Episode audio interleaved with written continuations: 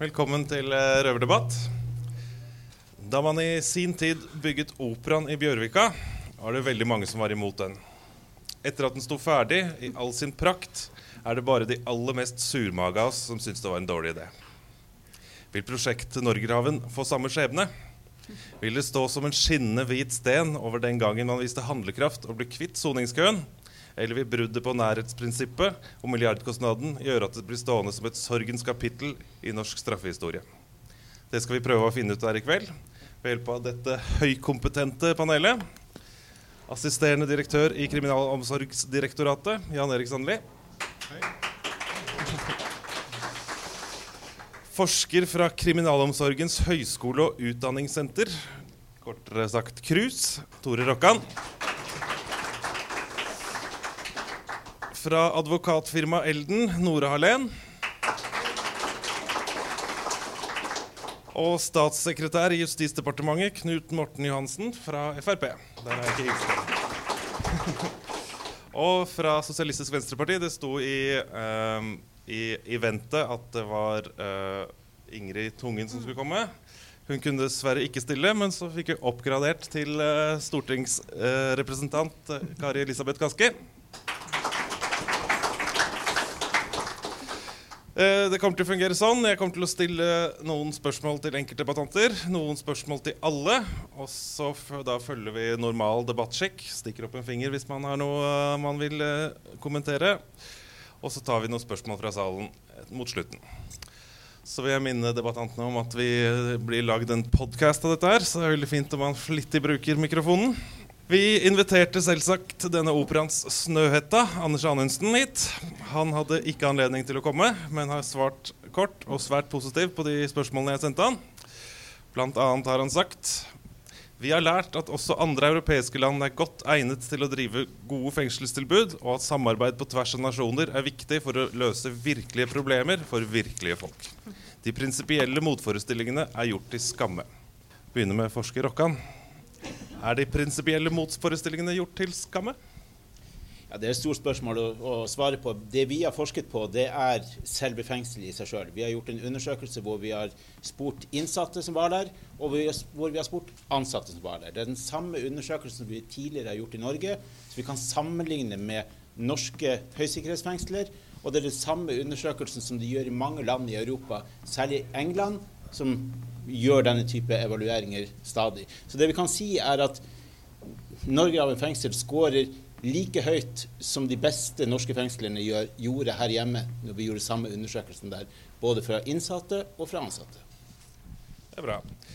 Eh, Jeg tenker vi tar Hallén neste gang. Kan du bare forklare hva er nærhetsprinsippet? Se den er på. Ja. Jo, det er jo Nærhetsprinsippet er jo at uh, man som utgangspunkt skal sone i nærheten av der man uh, bor, eller da bodde. Og det er jo ikke bare tenkt uh, tatt ut av hatten. Det er jo nettopp fordi man tenker at det også er et ledd i rehabilitering. At man skal kunne få anledning til å primært få ha kontakt med familie. Men også med tanke på å komme tilbake til samfunnet, så vil det være fornuftig å f.eks.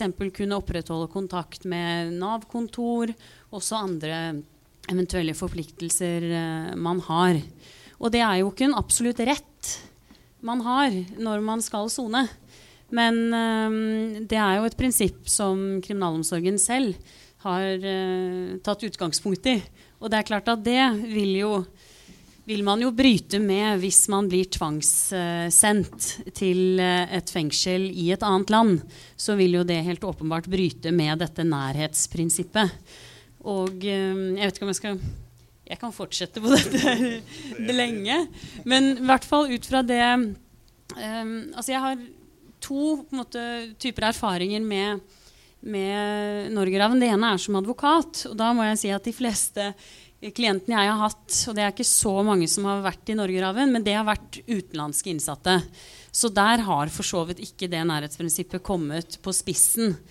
Men eh, i, i kraft av å være også i Tilsynsrådet, som er et uavhengig tilsynsorgan som skal føre tilsyn med kriminalomsorgen, så har vi jo eh, fått eh, tilbakemeldinger om nettopp en del av disse tingene. At det har vært vanskelig å få, få holde kontakten med barn og andre, altså familie for øvrig.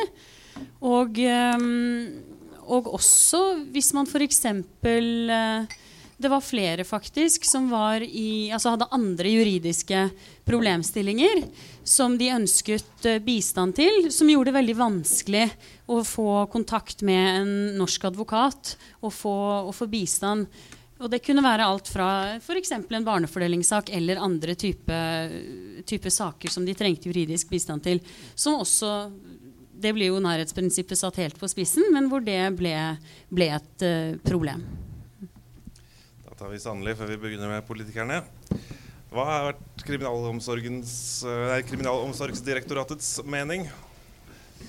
Nei, vi har uh Vi har, eh, var jo veldig positive og har jobba veldig aktivt for å få plass det muligheten for å i Norgerhaven fengsel. Og det, det var tre, tre, grunner til det. Uh, og, og, hvis vi går tilbake til situasjonen før vi fikk Norgerhaven fengsel, så for det første var soningskøen. Uh, det er i og for seg en mer sånn stabil, langvarig situasjon som man har hatt. Men, men det andre, og kanskje jeg synes mest alvorlige, var den, det problemet vi har hatt i en evighet med eh, varetektsinnsatte og arresterte som sitter over fristene i politiarresten rundt i landet. Eh, det har vi hatt i mange år. Eh, og, og sammenligna med mange andre brudd på regelverk, brudd på menneskerettigheter, så har det vært veldig alvorlig at, at personer har sittet i politiarresten på glattcelle i lang, lang tid. Nå etter at vi har hatt uh, Norgerhaven i 2017, så, så, har vi ikke hatt noen som har sittet over gjeldende frister i arrest i Norge pga. mangel på fengselsplass. Og det er noe helt nytt. Uh, en tredje ting er, eh, er, eh, bra, er at uh, vi var og er i en situasjon med veldig mange dårlige fengselsbygg. Uh, byggene blir stengt av ulike tilsynsmyndigheter pga. dårlig forfatning. Og i en situasjon med, med, med, med, mellom 95 og 100% belegg, så har vi ikke hatt mulighet til å pusse opp noe. Og, og det at vi fikk de, den ekstra kapasiteten i Nederland, det har ført til at uh, vi har pussa opp mye. Ullersmo fengsel har nå gått fra å være nærmest stengningstrua flere avdelinger til å se veldig bra ut. Så sånn sett så, så er det de tre tinga som lå bak uh, vår anbefaling om å etablere i og for seg Eh, muligheten for å sone i Nederland. Da tar vi eh, Frp. Eh, altså, det er ikke noe hemmelighet at det er dere som har vært mest ivrige oppi dette her. Hvorfor Nederland og ikke mer penger til å lage fengselsplasser i Norge? Aller først så har jeg lyst til å si at jeg er her som statssekretær for, for regjeringa i dag. Uh, min bakgrunn er uh, faktisk uh, fra kriminalomsorgen. Jeg har permisjon derfra. Jeg har rundt 25 år i kriminalomsorgen i førstelinja. Har vært på Ullersmo SEM sist gang nå i Telemark fengsel avdeling Skien. så til selve poenget. mitt ansvarsområde i departementet er politi, og det er polarområdet. Men med min bakgrunn så syns de andre statssekretærene at det var helt greit at det var jeg som stakk hit. men til det du spør om. Eh, jeg har lyst til å ta en liten historie, hvis jeg får lov til det. Eh, på ett minutt, to minutter kanskje. Eh, når jeg fungerte som operativ førstepresident i Skien, tilbake til før regjeringsskiftet, så opplevde jeg noen helger å få telefoner fra hele Sør-Norge, fra politiadvokater som hadde behov for fengselsplasser, varetektsplasser. det var veldig frustrerende å måtte si nei til, for jeg fikk jo historia om at de hadde vært i kontakt med samtlige fengsler i, i Sør-Norge og det var ikke mulig å, å, finne ledige plasser. Og da er det som Sagli sa i stad, at man måtte løslate folk fra arresten. Uh, og det som var veldig frustrerende for oss, det var å ikke kunne bistå i forhold til når de samme type innsatte, innsatt, unnskyld, kriminelle reiste rundt uh, og ble tatt tre helger på rad, og vi ikke klarte å finne dem, så, så, så medførte det bl.a. forsider i store aviser osv. Men det som jeg syns eh, også var ille, det var at man også fikk telefoner fra pårørende av folk som satt og venta på å skulle inn og sone. Altså, eh, de gikk med livet på vent. En del av de som hadde fått uh, dommen sin, de, de, var veldig frustrerte, for de kom ikke videre. Det var problemer i forhold til arbeidssituasjonen. Og det var problemer i forhold til både ekteskap og, og samboerforhold, fordi at du hadde den biten hengende over deg. Så når uh, Anders Anundsen kontakta meg, for det gjorde han faktisk, i forhold til hva jeg syns om uh, det jeg visste kom til å bli et tiltak, nemlig å leie fengselsplasser i utlandet, så var jeg sånn, uh, som, som, tillitsvalgt faktisk i, i, fengselet, så var jeg litt sånn delt på det. Men jeg syns at fordelene ved å bli kvitt soningskøen var større enn ulempene. Så jeg valgte å fronte det og si at dette, dette går vi for. Jeg vet ikke om du vil stille noen oppfølgingsspørsmål. Jeg har mye på hjertet etter hvert. jeg. Vi kan ta Kaski først isteden. Hva er uh, Du får to mikker nå, plutselig. Hva er SVs syn på prosjektet? Er det ikke bra at soningskøen er borte? Jo, det er bra. Uh, og så er det jo flere grunner uh, til det også, uh, som er verdt å ha med seg i debatten. Både at man har gjennomført annen type soning, mindre kriminalitet. Det er flere ulike årsaker til det. Vi ser jo også at det kommer på plass flere plasser nå, som er bra i Norge. Så eh, når SV har uh, vært motstander av det her, og også fremma forslag som faktisk voteres over akkurat nå, så derfor jeg satt litt på mobilen, uh, fordi at det, be behandles i salen nå og voteres over det, om å, om å gå bort ifra eh, Norgerhaven, som jo på en måte regjeringa kom oss i forkjøpet på, eh, men som vi forsøker for så vidt å gjøre om til en litt mer sånn prinsipiell debatt og generell debatt om det skal være sånn at det på et senere tidspunkt skal f.eks. være mulig å leie fengselsplasser i utlandet. Eh, som jeg tror er viktig at vi har den debatten også i lys av erfaringene av Norgerhaven. Eh, men, men, litt av vår, vårt utgangspunkt har vært nettopp de, de prinsipielle motforestillingene som, som Anundsen mener at det er gjort til skamme. Fordi det, det er klart at du kan ha denne debatten både i et litt sånn prinsipielt fokus men, og, og, i et praktisk fokus. Og, og, når det først skal gjøres, så er det viktig å ha også oppmerksomhet rundt det praktiske. Um, og, og, det er ingen tvil om at f.eks.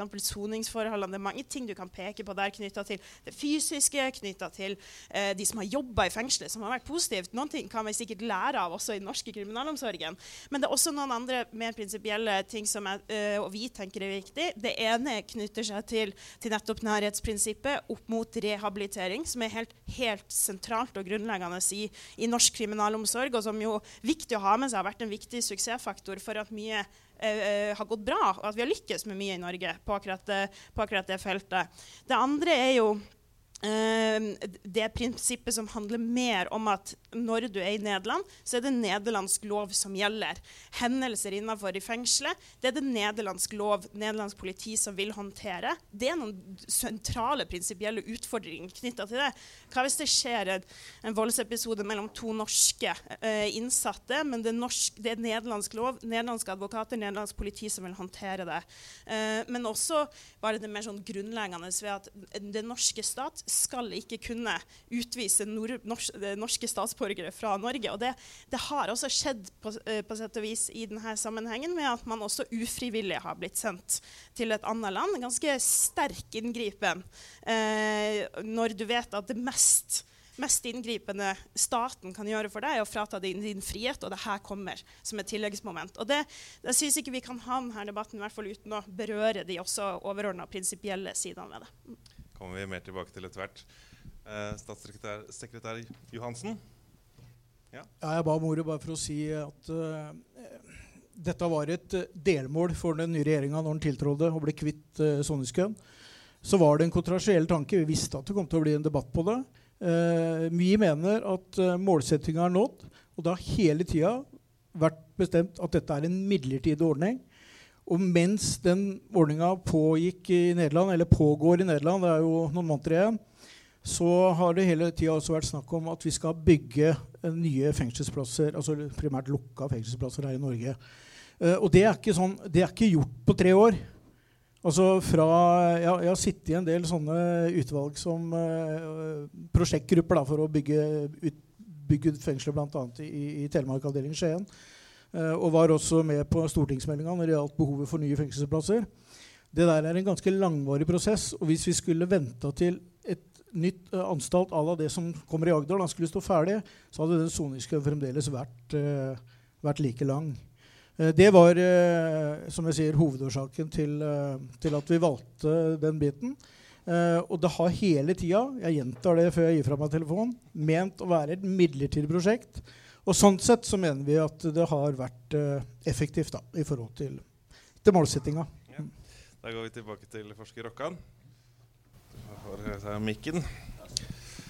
Hva vet vi om de som eh, har sonet i Norgerhaven, og hvordan er det der i forhold til et norsk fengsel som kanskje litt mer enn at det, de har gode brukerundersøkelser?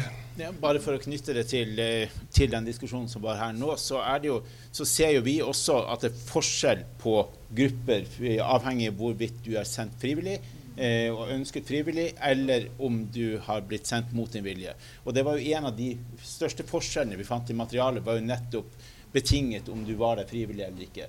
Eh, og Spesielt gjaldt jo det de tingene som også kommer fram her, som handler noe om eh, personlig utvikling. Altså det at skole- og arbeidstilbudet der ikke er det samme som de har i Norge, og ikke knytta til nærhetsprinsipp og rehabilitering. Det at eh, kanskje noe av den si, saksbehandlingsprosessen også var annerledes der og lenger unna, som gjorde at avstand førtes lenger. At du følte at, på en måte at du var litt på en øy. Eh, selv om det var en god øy å være på sånn i hverdagen, så var på en måte framtiden og forholdet til pårørende og forholdet til familie en annen. Så den dimensjonen så vi på, eh, og hvor vi ser forskjeller. Forskjellene er ikke veldig store, men de er signifikante. Og Det betyr at den gruppen som blir sendt frivillig, stort sett er mer fornøyd enn de som uh, på nesten alle parametrene enn de som blir sendt på tvang. Så det er én bit. Det er ikke så veldig overraskende. Den andre forskjellen vi fant, var jo mellom utenlandske innsatte og norske. Uh, den norske gruppa der er jo mindre. Uh, de som scorer desidert høyest her, er jo utenlandske innsatte. Mye østeuropeere i, i Norgerhaven. Mange av de var jo både fysisk nærmere hjemme. Mange av de opplevde jo også å få kanskje bedre kontakt med familien enn det de ellers ville hatt, fordi at Skype-tilbudet eh, utbygd i Norgerhaven var så mye bedre enn de mulighetene de ville hatt i andre norske fengsler. Så på nesten alle parametrene skåret utenlandske innsatte høyere enn det vi har gjort i noen andre studier. Eh, det eneste området hvor de kanskje ikke gjorde det, er litt det samme som nordmennene, var på det vi kaller for byråkratisk legitimitet, altså saksbehandlingsprosessen. Forståelsen av hva skal jeg gjøre for å oppnå to tredjedelstid, for, for, for å få prøveløslatelse, for å komme hjem tidligere. Mange av de skulle jo da uh, tvangssendes tilbake igjen til det landet man kom fra. Og, og den uforutsigbarheten og den kontakten mellom uh, kriminalomsorgen og uh, Politiets utlendingsenhet og koordinering av den, var mer byråkratisk og gjorde på en måte at det var et spørsmål. I tillegg så er det jo litt sånn, som mange også sa, at når man gjennomfører straff som utlending i Nederland på vegne av Norge, så dukker jo den type problemstillinger opp at hvis man nå hadde blitt tatt på grensen når man smuglet, eller når man eh, ble arrestert på grensen til et annet land, som kanskje praktiserer andre regler, som gjør at man kunne ha avsluttet dommen sin på halvtid, eh, som man kan i England eller mange andre land. Man begynte å sammenligne sine forhold med andre land i Europa sine rettsregler og praksiser på dette området. Og da følte man også at det var urettferdig å være i et fengsel i et litt sånn si, byråkratisk, juridisk orientert land, eh, og så gjennomføre straffen i Nederland. Selv om det er kortere hjem, man hadde mer kontakt med familien og skåret da høyt på alle andre parametere enn det juridiske. Ja. Yes, så må jeg være bedre med å holde mikrofonen litt nærmere eh, munnen. Det var Helen først. Ja, fordi Skal vi se. Fordi vi, altså Sivilombudsmannen var jo i Norgerhaven og kom jo med en veldig grundig rapport. Um, og det som var litt interessant, var at uh, For de jo, var der mye lenger enn det tilsynsrådet hadde anledning til å være der. Og hadde jo, må jeg innrømme, selvfølgelig kanskje litt mer omfattende, uh, omfattende tilsyn. Men de fant veldig mye av det samme som Tilsynsrådet også fant. Og det, var, det er noe av det som Rokkan sier at eh, både saksbehandlingstid, informasjon, progresjon Det er det veldig mange klaget på. Så det inntrykket jeg i hvert fall satt igjen med, som jeg ikke kan knytte til noe verken kvantitativ eller for så vidt kvalitativ forskning, men det er at de som, også norske, de som måte bare var der for å do the time, altså ikke brydde seg så veldig mye, de syntes det var ganske ålreit. Men de som f.eks. var opp, mer opptatt av progresjon, herunder også utdannelse, som også var mindre tilbud til, de var ganske frustrert. Og det er klart at bare det å være der og ha mer røyk og mer, mer frihet innad i fengselet, det er jo for så vidt ikke i tråd med det kriminalomsorgen uh, har som mål hva gjelder rehabilitering. Da var det sannelig. Nei, det er vi enig i. Uh, uh, nei, jeg har bare lyst til å si litt om, uh, om utvelgelsen og, og, og, det som er. sant, Det, er det skjedde jo en nitidig utvelgelse av de som har blitt sendt dit. Ja, bare noen tall, for ikke men det er over 3000 innsatte, 3020, som har blitt kartlagt for mulig overføring. og som har blitt vurdert for overføring til, til Nederland. Det er Per i dag 927 innsatte som er overført til Nederland. Eh, altså 2000 som ikke er funnet egnet. Og grunnen til at man ikke har blitt sendt, det er, det er tre hovedgrunner. Det er at man har besøk av egne barn i norsk fengsel. Eh, eller at man går på skole. Eller unnskyld, at man eh, har en eller annen helsemessig grunn til å bli her. Så sånn sett så har utvelgelsen vært bra. Eh, jeg sier det, Husk at to tredjedeler av de som er sendt, er sendt frivillig. 80 utlendinger. Eh, det, det, og mange av utlendingene de skryter veldig av nettopp at de har fått mer kontakt med familien. Og det er spesielt denne ordningen med Skype. De har Skype ikke som alternativ til telefon, men Skype som alternativ til besøk. Så du har en mye hyppigere ordning enn en, en hva vi har hatt i Norge. Så, så det er positivt. Eh, kritikken som kom fra Sivilombudsmannen om, om, saksbehandling og saksbehandlingstid, det, det, førte for øvrig til at vi ansatte flere jurister der nede. Norske jurister som da ble sendt ned, som fikk saksbehandlingstiden ned. Så så, så, det er jo måten vi har møtt noe av kritikken på. Det er at vi underveis Vi begynte vel med, med, med fem-seks ansatte der, og det har vi økt til ni-ti norske ansatte som jobber nede i Norge gjennom fengsel. Og spesielt da vi har økt antallet juridiske saksbehandlere for å nettopp å klare å, å, å håndtere søknader og sånn fra de innsatte. Da var det Johansen først. Ja, det er jo sånn med, med, med alle uh, saker som skal diskuteres, og det er fordeler og ulemper uh, ved, ved, absolutt alt. Uh, og jeg husker når dette kom opp som en sånn intern liten debatt hos oss først, da, så sier jeg til Anders, da, som, som, jeg kalte den, at du må ikke glemme det, sier jeg, at hvis det blir sendt norske statsborgere til Nederland Eh, så rammer også familien. Altså i forhold til eh, de som eh, kommer på besøk og ønsker å komme på besøk. Og det er jo den type utfordringer vi visste vi kom til å bli møtt med også. og det er, det er ikke lett for meg som har hjertet i kriminalomsorgen, å liksom si at det gjør vi. Men derfor er det viktig for meg å si at det, hovedsakelig så skulle det være utenlandske innsatte som skulle sone i Nederland, og så skulle det være i høyest mulig grad basert på frivillighet. Og så er jeg jo litt stolt av kollegaene mine som har jobba der òg, For jeg har fått mye bra tilbakemelding på de. Og jeg har prata med innsatte, og alle jeg har prata med som har vært i Nederland, har gitt uh, greie tilbakemeldinger. Og da sier jeg greie, for det er alltid noe å sette fingeren på, men det er i norske fengsler òg. Men uh, jeg skal innrømme Midlertidig prosjekt, ja, mens vi bygger nye fengselsplasser i Norge. Og så er jeg glad for at det blir eh, eh avvikla. Og, og, så håper jeg det at det kommer mer penger til eh, kriminalomsorgen i Norge. Eh, og da skyter jeg meg sjøl litt i beinet, for det er en av mine oppgaver nå. da, Å prøve å påvirke den veien. Men eh, jeg hadde behov for å si det med, med, Det er ikke sånn at man ikke tenkte på eh, familien, de pårørende til de som blir sendt dit mot sin vilje. Det er det er som han sa, det er veldig mange vurderinger som tas i bånd før det blir sendt dit. Det er ikke, ikke svart-hvitt. Da var det Kaski.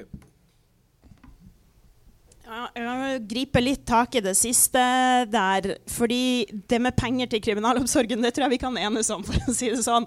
Eh, og, og, Man skal ha med seg penge- og ressursspørsmålet inn i det også. Og vi er jo bekymra for at den eh, såkalte avbyråkratisering og effektiviseringsreformen til regjeringa innebærer ganske store kutt i drift i, eh, til kriminalomsorgen, og som jo på mange måter du ser at viktige til, eh, tilbud og innhold innad i kriminalomsorgen blir, blir ramma av det. Og det er en av de tingene som vi er opptatt av. Så vi støtter eh, dere i å forsøke å øke det i forbindelse med budsjettene. Eh, og, og, man skal ha med seg her Når vi diskuterer, eh, diskuterer Norgerhaven, så er jo det med utgangspunkt i ok, det har vi gjort nå. sett opp mot en situasjon som var. Men i liten grad blir det en diskusjon om hva, hva var alternativene også inni det. Og vi har altså brukt nærmere en milliard på det. Det er mye penger mye penger som, som, jeg tenker det, i hvert i en sånn evalueringsdiskusjon da, er verdt å ha med seg og diskutere hva er alternativbruken av det. Og selvsagt, det tar tid å bygge nye fengsler um, etter den standarden som vi ønsker i dag.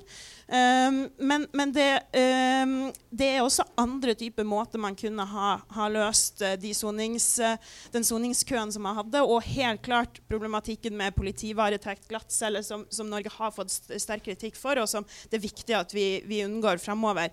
Men andre typer soningsløsninger, eh, elektronisk soning, den type ting, ønsker jeg også inn i den debatten og burde, eh, burde bli se på og sett på fremover. Så um, er det også tenker jeg, verdt å ha med seg at vi også diskuterer Norgerhaven ut ifra en, en, situasjon der man egentlig ikke har blitt satt reelt sett på prøve. Man har ikke blitt testa på, på, en kritisk situasjon eh, som, som, vi vet at kan skje. Og Det er bare viktig å ha med seg også i den prinsipielle diskusjonen. For selv om eh, nå har mye gått bra, men, men, man har ikke hatt de alvorlige episodene. Eh, og det må man også ha med seg også i, med det prinsipielle som jeg var inne på i mitt innledning i, i min åpningsinnlegg her, at hvis det hadde skjedd en, en alvorlig voldshendelse, da, eller hvis det hadde kommet eh, et eller annet dramatisk inn der, som vi opplever i norske fengsler. Um, så vet, vi, har vi ikke den erfaringa med oss inn i denne diskusjonen. Og Det er viktig å ha med seg tenker jeg, uh, når vi også skal diskutere om dette kan være en aktuell løsning på et senere tidspunkt, sjøl om det var midlertidig nå. Til slutt um, det er klart To, to tredjedeler dro ned frivillig, men én tredjedel dro ned ufrivillig. Og jeg syns det er høyt tall. altså det er mange folk det er snakk om. Eh, så, så, la oss liksom ha med oss det. Eh, og de løsningene som har vært der knytta til Skype og den type ting, er jo løsninger som vi bør lære av å få inn i norske fengsler. Eh, det, Norge er også et langt land, og mange sitter langt unna familien sin, særlig kvinnene, som jeg er særlig opptatt av. Eh, og bare det å få på plass en Skype-løsning håper jeg jo at, at vi kan, eh, kan lykkes med. Mm. Det var det Johansen som hadde noe å si.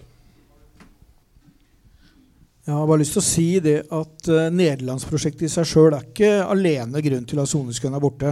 Det har vært en formidabel utvikling også når det gjelder uh, bruk av EK. Uh, men det du sier om kvinner i fengsel, det er en helt annen diskusjon. Og der er vi nok mer enige enn mange hos meg liker at vi er.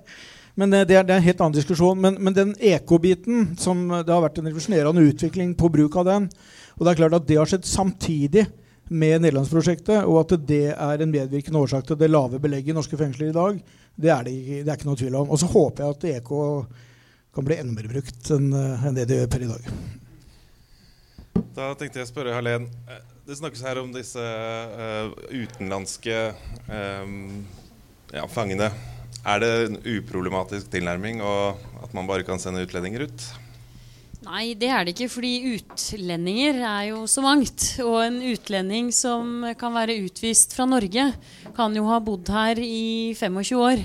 Og ha barn som er norske statsborgere. Og ha annen familie. Så, så det er klart at det, det er ikke Det er i hvert fall ikke Altså, én ting er at det, man skal ikke tenke at det er greit uh, selv om de da kanskje ikke har noen tilknytning. Uh, men særlig fordi det er en uh, Det er ikke en ensartet gruppe. Så, så derfor så um, så er det, er det, viktig å ha det, ha det, i minne når man snakker om at det er de uansett skal ut av Norge. Fordi der har også Sivilombudsmannen sagt mye om at det er ikke det i seg selv er ikke noe grunnlag for forskjellsbehandling. Og man har jo også, de har også sagt at rehabilitering skal jo selvfølgelig også gjelde på lik linje for utenlandske innsatte som for norske innsatte. Eh, man tenker jo at man ønsker at de skal rehabiliteres eh, like godt som norske innsatte. De skal være et annet sted i denne verden da også. Så, mm, så det er, svaret er da ikke uproblematisk. Tilbake til uh, Rokkan. Uh, jeg kjenner jo noen som har sittet i Nederland. Og har jo, dere har gjort undersøkelser, og at det veldig, har vært mange som har trivdes godt der. Jeg har nå hørt at det har vært litt fordi det har vært veldig bra hasj og slepphendt eh, kontroll av alkohol og diverse. dere har kanskje ikke det med i parameterne deres? For så vidt. Vi, si, vi gjorde en, eh, den evalueringen vi gjorde, besto både av en større spørreskjemaundersøkelse som alle innsatte på det tidspunktet vi var der, eh, hadde anledning til. Vi var der ganske langt ute, eller rundt to år etter, etter starten. Det ansatt, og Vi har hatt en grundig undersøkelse også med kvalitative eh, intervjuundersøkelser både av innsatte, men også av ansatte. Og De ansatte sier jo det at de ble litt tatt på sengen ved at de utlendingene, eller de nordmennene og de norske utlendingene som da kom til Norgerhaven i starten, var en helt annen type innsatte enn det de var vant til fra før. Norgerhaven fengsel var et eh, fengsel med mange langtidssonere. Eh, det var et sted hvor man på en måte gjorde tid. Eh, Istedenfor å kanskje ha det store rehabiliteringsperspektivet. Eh, det var også en, si, en annet forhold til hva er det man gjør. og Spesielt de, ble de tatt på senga i forhold til alkoholfremstilling. De var ikke vant med det i det hele tatt. Deres forhold til utenlandske innsatte var latinamerikanere og andre, og de kom med helt annen type både kultur og, og, og, avvik i forhold til den, den, uh, det de gjorde i fengselet. Så det ble de tatt på senga for. Uh, på, og, og, de sier jo også det at de gjorde en god del tiltak veldig tidlig.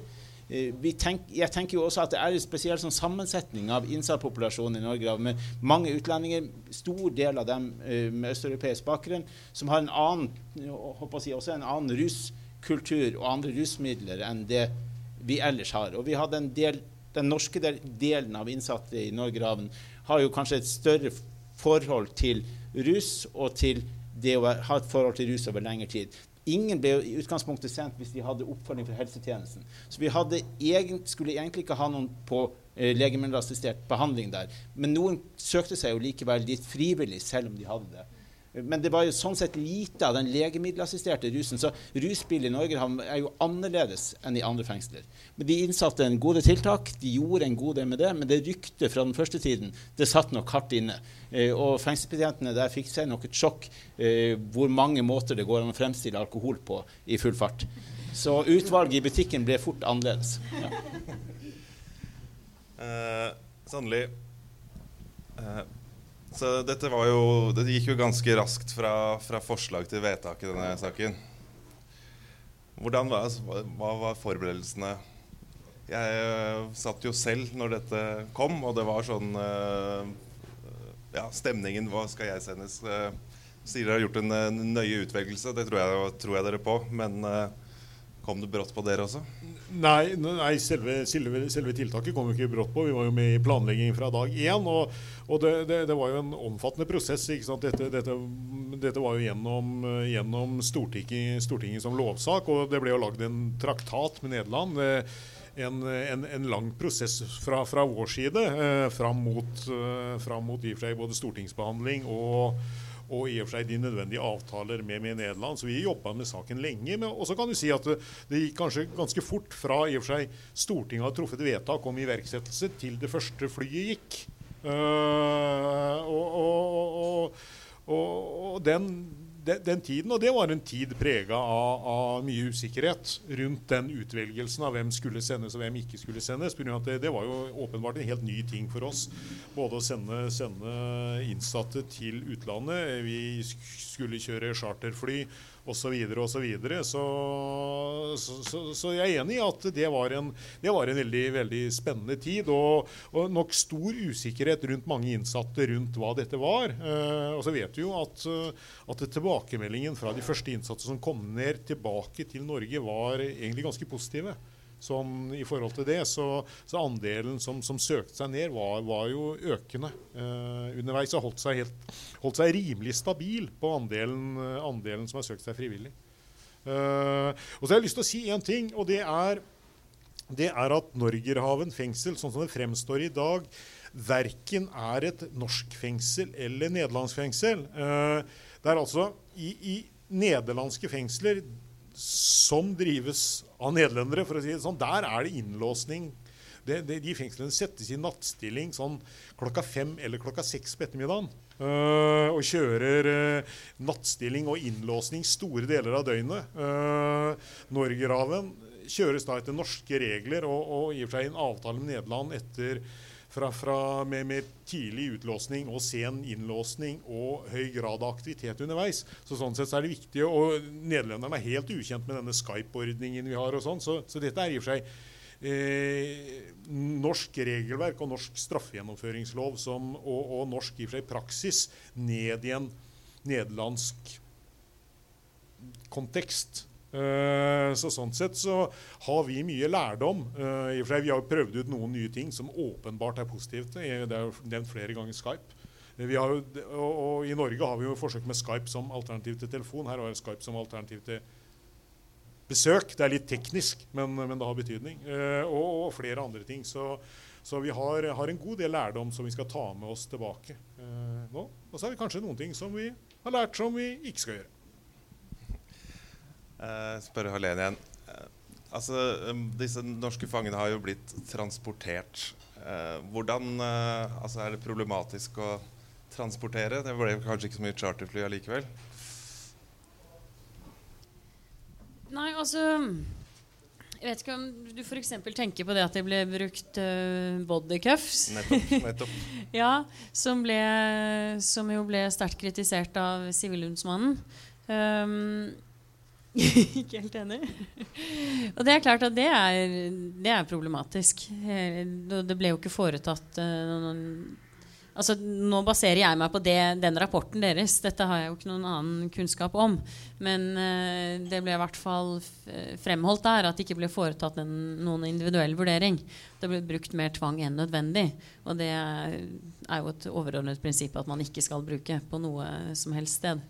Så det um, men hvis jeg bare kan, når jeg har ordet, kommentere det Sannelig sa fordi Um, hvis man skal være litt pragmatisk, da, sånn i ettertid også uh, Veldig enig i de prinsipielle problemstillingene som Kaski har nevnt. Men, uh, men, når man først har gjennomført dette prosjektet, så tenker jeg at det er absolutt uh, fint å prøve å ta med seg noe av det som ble gjort der nede, som fungerte. For spesielt én ting som veldig mange av de innsatte jeg snakket med der nede, frem, eh, og det var de norske, som de, de la vekt på, det var de ansatte, altså betjentene i, i fengselet. Og helt kort så har de jo to typer betjenter. De har miljøbetjenter, som er i, naturligvis i avdelingen, og, og sikkerhetsbetjenter. Og de har jo ut fra hva jeg fikk høre, så har de mer frihet innad i fengselet. Altså bare på inntaksavdelingen, hvor man er vant til i norske fengsler å være stort sett innelåst. Der kunne de gå mye mer fritt omkring. Og generelt sett ha mer fellesskap. Og det var eh, mindre hendelser både mellom innsatte og mellom innsatte og ansatte. Og de innsatte sa sa veldig mye positivt om de betjentene. Og, og vi liker jo Jeg har dette er ikke noen kritikk av norske betjenter, men man er jo veldig opptatt av at det er de best utdannede betjentene i, i verden, og den lengste utdannelsen osv. Og, så videre, og de, de, er kunnskapsrike og flinke. Men, men, likevel så Kanskje det er noe med måten de løste konflikter på, som man kanskje også kan ta lærdom eh, av. Og også dette med mer utstrakt bruk av Skype, for det fremstår veldig gammeldags, rett og slett. At, uh, at ikke det blir brukt, blir brukt, mer. Så det kan man ta med seg. Da var det Johansen først. Skal jeg prøve å komme deg litt i forkjøpet i forhold til uh, Jeg vet at spørsmålet dukker opp, og det har vært Spørsmålet har vært stilt på Stortinget i dag også, til min leder, til statsråden. Og det er om, om, vi kan finne på sånn etter da, å gjøre dette her en gang til, hvis behovet skulle dukke opp. Og da har de lyst til å si det at hjemmelen for straffegjennomføring i annen stat Det heter så. paragraf 1 den oppheves 1.9.2020. Og uten den bestemmelsen så er det ikke naturlig for, eh, for oss å, å, gå videre med et sånt eh, prosjekt en gang til. Nettopp pga. at uh, hovedmålsettinga var bla, bla. ikke sant? Og vi har, vi har, nådd det målet. Så jeg har ikke noe tro på at uh, dette er noe man skal frykte kommer til å bli en sånn ja, gjenganger uh, framover. Det tror jeg ikke. Da var det Rokkan. Skal vi si, Jeg hadde bare lyst til å ta tak i dette med forskjeller. For det, når vi var der nede og, og, gjorde denne forskningen, så hadde vi med oss et stort forskerteam. Vi hadde med oss forskere fra England i gruppa, vi hadde med oss forskere fra Belgia og fra Nederland. Og det som trigga mange av disse forskerne fra de beste forskningsmiljøene i alle disse landene, var jo det å se på denne si, transnasjonale eller multikulturelle, denne, andre, denne annerledes modellen Eh, mange av de var jo overraska over at Norge var den som hadde satt i stand dette. Men denne andre type modell den har blitt gjort en gang før ved at Belgia leide også et fengsel i Nederland. Men det var ganske nært den belgiske grensen, så det var liksom sånn kjøretur på 20, 20 minutter fram og tilbake. Men vi hadde også med oss det forskerteamet som var inne og gjorde evalueringen av Tilburg fengsel i Nederland, som var det som, som Belgia uh, leide. Og disse forskerne her er jo litt trigget av å prøve å finne løsninger på dette sammensatte problemet i Europa, med utenlandske innsatte fra hverandres land, som sitter i alle land. Eh, og jeg har vært på store møter og store konferanser hvor det er eh, fengselsdirektører fra Albania, fra Romania, fra England, fra Nederland, fra alle land. Og vi sitter med de samme utenlandske innsatte i hverandres fengsler. Så det å finne den type løsninger er spennende. Jeg vet ikke om den type løsninger er Norgerhaven, men den type løsninger er i alle fall å finne ut hvordan vi kan ha straffegjennomføring og kriminalpolitikk som harmoniserer mer. Og så er det litt til forskjellene i dette fengselet. Vi så, så jo at det var en del utfordringer i forhold til norsk kultur og kulturen i Nederland. Norsk kultur er mye mer juridisk orientert. Vi har mye mer juss og mye mer rettighetsbaserte systemer enn det vi kanskje fant i Norgerhaven. Men Norgerhaven var også et litt spesielt fengsel. Det er et annerledes fengsel enn de fleste andre fengslene i Nederland fordi det var et fengsel som hadde langtids- og livsstraffsonere. Det var et fengsel som hadde en stor indre luftegård som ga anledning til all denne friheten. De hadde mulighet til å ikke følge sånn som norske fengselsbetjenter gjør hele tiden. Men bare åpne celler, og så gikk folk selv til biblioteket, til eh, helsetjenesten, til tannlegen, til alle de tjenestene man skulle, og spilte ball resten av dagen når man ikke var på jobb. Og det er en mulighet som er veldig spennende, og som vi ser, ser, at vi på en måte kan inspirere til andre typer løsninger. Men det var jo på en måte to litt ulike systemer. Vi så også kanskje at det nederlandske systemet var mer basert på å få en god dag at hverdag, en god hverdag, en god arbeidsdag for en nederlandsk betjent var det å kunne kvittere ut at det har vært en rolig dag, det har vært en stille dag, det har ikke skjedd noe. Mens i Norge vil en fengselsbetjent kanskje si det har vært en god dag hvis vi har gjort et godt endringsarbeid, hvis vi har fått noen på riktig retning på en eller annen kjøl. Og det er kanskje en litt sånn kulturforskjell, i alle fall mellom betjentene i Nederland, i Norgerhaven, uh, og mange norske betjenter, som kanskje har et større endringsfokus. Men det er ikke sånn i alle fengsler. Og det er i alle fall ikke sånn i fengsler med mange utenlandske innsatte som kanskje ikke har det samme eh, si, muligheten for den endringsprosessen og rehabiliteringsprosessen som andre er. Så ja. Takk. Var det Kaski? Takk. Nei, men Det siste der tror jeg er viktig uh, å ha med seg også i en liksom, hva er det som funker i Norge, og hva ønsker vi mer av. Fordi nettopp det vi, vi, vi har som kultur, da, er også eh, ganske bærende i vår kriminalomsorg, nemlig det som går på rehabilitering. Og Derfor så er det vesentlig også at det var en av de tingene som ble pekt på fra Sivilombudsmannen. eh, nettopp mulighetene for rehabilitering som går både på nærhet, og som går på mulighet til utdanning, som går på hva slags kontakt kontakt man har med, med betjenter, og hva slags oppfølging man får. Og, og, selv om en del av de tingene Man kan jo se for seg at det ville ha gått seg til, blitt bedre over tid også i, i, i Nederland med, med, norske, eh, med, norske, innsatte, så, så, tror jeg likevel at vi skal ikke eh, undervurdere hvor, hvor, sentralt det er i Norge, og hvor viktig det er at vi, vi forsterker det framover. Og der er jeg jo bekymra for, for, de kuttene som vi har sett. For at vi ser at det er nettopp på den type ting eh, at man, man får et, eh, et uh, dårligere tilbud, og at vi også ser at de ansatte i fengslene blir strukket på tid. Uh, de blir færre. Og, og uh, selv om det er litt på sida av akkurat debatten om Norgerhaven, så tenker jeg det er viktig å ha med seg også i diskusjonen av hvordan vi skal gå videre i kriminalomsorgen og, og, og utviklinga for norske fengsler. fordi det er veldig betryggende det som, som, blir sagt her, og som også blir sagt fra, fra statsråden i dag, om at det her ikke er aktuelt å gjenta, eh, så, så, bør det bringe videre en diskusjon om hvordan man skal unngå at man kommer i en situasjon med f.eks. altfor høy soningskø, eller at det blir en type akutte problemstillinger. Eh, og at man sikrer da nok ressurser til, til, kriminalomsorgen, nok ressurser til nok ansatte som har tid og rom også for å unngå eh, nettopp den økninga som vi ser i voldsepisoder, tror jeg er kjempeviktig eh, framover. Uh, Jan Erik Sandli. Uh, jeg satt jo i Oslo fengsel da de begynte å rulle disse uh, reklamefilmene om alt man kunne få i Norgerhaven.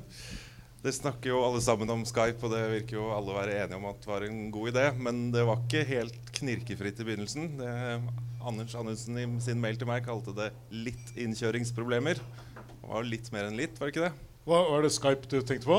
Ja, det var Skype og diverse ting. Ja, det, nei, det syns jeg egentlig Vi hadde problemer med Skype til å begynne med. Det var noen som installerte et system som altfor avansert der nede. Det, det IT-folk. Uh, altfor avansert system. Uh, Eh, det, det, var, det, det, var, sikkert i prinsippet bedre. Problemet var at moren til den innsatte som satt i Albania, ikke hadde tilsvarende godt utstyr. Uh, så, så, det var et problem. Vi hadde også, men, men jeg syns det ikke sant, noe, noe rundt butikken uh, sånn, det, var Du har helt rett i det. Det, var noen noen, noen, humper til å begynne med. en del av de norske innsatte forsto f.eks. For nederlenderne har jo en underlig, underlig påleggskultur. De spiser sånn kakestrø. Uh, og, og, mange av de norske, norske, innsatte, når de fikk det, så, så, så lurte de på hvor er softisen. Uh, og de skjønte jo ikke at dette var pålegg. Det var en del sånn uh, de, Annerledes mat, noe, noe, klaging på det og sånn, men, men, det gikk seg raskt til, altså, mener jeg. Når jeg først har deg på tråden jeg satt jo på uh, Botsen, der hvor Egon Olsen pleide å sitte. Uh, det ville vel kosta ca. en milliard å ruste opp Botsen. Hadde ikke det vært en uh, bedre idé, sånn på sikt? Ja, jeg tror det, det var over det. Uh, jo, jo vi, naturligvis vil vi gjerne hatt penger. Uh, jeg, tror, jeg, tror, ikke at, uh, at regjering og storting ville gitt oss de nederlandspengene som, som alternativ bruk. Jeg tror nok de kom med prosjektet. Uh, vi har jobba veldig mye for å få til rehabiliteringspenger for, for våre bygg. Og, og, vi ligger i landet som sådan et sted mellom 3,3 og 4,4 milliarder kroner for å pusse opp. Det var før vi stengte Botsen, som du sier. Uh, da forsvant en del av det. Så, så, så de utfordringene er kjempemessige. og, og og som flere har vært inne på, Den budsjett, budsjettmessige situasjonen i kriminalomsorgen det er ikke noe hyggelig om dagen. Én uh, ting er ting er de kutta som alle statlige etater får, de, de, de får vi òg, men vi ser det kuttes, det kuttes ytterligere. Og, og vi, får, vi, får, tilleggsoppdrag som ikke er finansiert. Det siste, siste vi no, for eksempel i år er at vi, vi bygger en ny avdeling i, i, i, Evje, som er en, i og for seg en del av Agder fengsel, som vi da ikke har fått noen penger til å bygge. Uh, og, det er jo et vedtak i Stortinget. i og for seg, så, så Sånn sett så, så er uh, Det krever mye av oss som jobber i direktoratets uh, tid, den, denne budsjettsituasjonen i øyeblikket. Kaski? Ja, bare en tilleggsbemerkning. fordi det, det, skal vi virkelig og det ta med oss, og bør vi alle sammen bidra til å løfte høyere opp på den politiske agendaen i Norge. at det at det skal være mulig holdt på å si, eh, Og sjøl SV, som, som, har gått imot Norgerhaven og på en måte det å ha, ha norske innsatte eh, i, et, eh, i et nederlandsk fengsel, har jo vært villig til å bruke penger på det når de først er der. Naturlig nok. Men, men vi trenger likevel å få økt bevissthet, sånn at vi får eh, kunne ha brukt de pengene i Norge. For det er ingen tvil om at det hadde det vært behov for. Og jeg syns det er viktig å snakke om alternativkostnaden her, på sett og vis. Eh, fordi man kunne ha fått mye, tross alt, for, for 1 milliard. Og, og også må jeg legge til ressursbruken i kriminalomsorgen. Det har vært mye ressursbruk knytta til logistikk, knytta rundt til det praktiske for å få det til å funke, som også er tid for ansatte i kriminalomsorgen som, som kan brukes til andre ting. Så vi må ha med oss totalbildet her også. Eh, og, og, i alle fall klare å bruke det her nå, avslutninga av det prosjektet, som en brekkstang til en videre debatt om, om politiske prioriteringer for kriminalomsorgen i Norge. Johansen, har du et par milliarder til eh, Sandli og et par millioner til Røverradioen? Nei, det kan jeg ikke si og love. men, eh, men eh, det er kjente problemstillinger som kommer opp, eh, og spesielt dette med vedlikeholdsetterslepet på, på bygningsmassen i kriminalomsorgen. Som i årevis altså det, det, vet veldig mange om, både de som har vært der på jobb, og de som har sittet der. At bygningsmassen den, den er i et forferdelig stand. Så veldig mange av de små enhetene vil jo bli fasa ut til fordel for større nye. Eh, det er helt naturlig at man får en sånn type eh, utvikling. Men så har jeg lyst til å si, og det er litt som du sa i stad, på kanten av det vi diskuterer, men jeg håper at vi kan komme tilbake senere og diskutere innholdet i det som handler om kriminalomsorgen i Norge per i dag.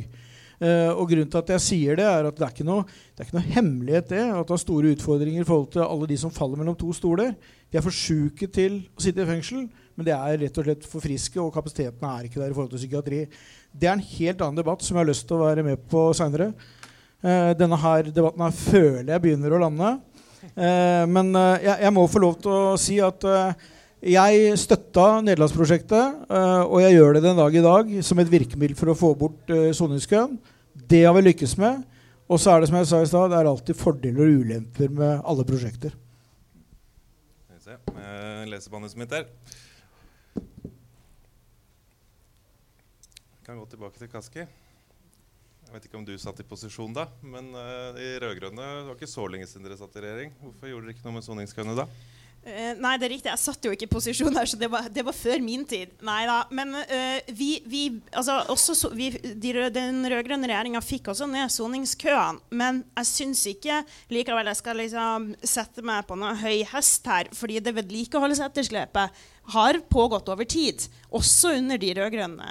Uh, så, så, dette er liksom noe som jeg tenker alle de politiske partiene skal, skal ta sjølkritikk på, men kanskje først og fremst eh, evne å gjøre noe med framover. Eh, fordi det, det krever, eh, krever, reell politisk prioritering. Og husk på, vi får altså, denne regjeringa har hatt mer penger å rutte med enn noen annen regjering. Det er viktig å ha med seg. Men framover så kommer det til å bli trange budsjetter for alle. Eh, så prioriteringene kommer til å bli tøffere. Uh, og dette er ikke et felt med liksom altfor mange sterke pressgrupper og altfor mange som roper altfor høyt opp. Så, så vi, vi, må jobbe sammen også uh, for, for, å få til, uh, til, mer prioritering på dette feltet. Da var det Helen. Ja, det er litt, litt, på siden, men er jo, vi er jo tidvis det. Men det er blitt snakket om sant, mye bygging av nye, nye fengsler, og Rokka nevnte jo at uh, strukturen, bygningsmassen, i Norgerhaven la godt til rette for måten det ble drevet på, som hadde en del positive effekter. Og det sier seg selv at Eller jeg vil anta da at uh, det vil være billigere også. At det er mindre innlåsning. At de innsatte ikke blir fulgt så mye rundt. Um, og da tenker jeg at uh, Og det er jo også, opplever jeg, veldig viktig for, for de innsatte. Uh, enten det er varetekt eller de, de sitter på, på, dom, så er det jo en kjempefrustrasjon, spesielt i Oslo fengsel, at de er isolert. Altså de er, de er de facto juridisk isolert, men det fattes ikke vedtak uh, knyttet opp til det.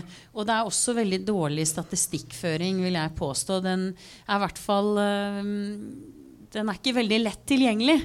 Eh, så, og der er jeg egentlig litt nysgjerrig på, på, hvordan disse nye fengslene da bygges. Om man nettopp har uh, tenkt på at man kan gjøre, gjøre det litt annerledes. Altså fengslene, De siste fengslene de siste årene, og da tenker jeg tilbake til 90-tallet, har blitt bygget helt annerledes enn man gjorde før med Philadelphia-modellen Oslo fengsel. Men det fremstår som at man fortsatt kanskje har noe å gå på med å legge til rette for mer noe mer frihet eh, under frihetsberøvelsen.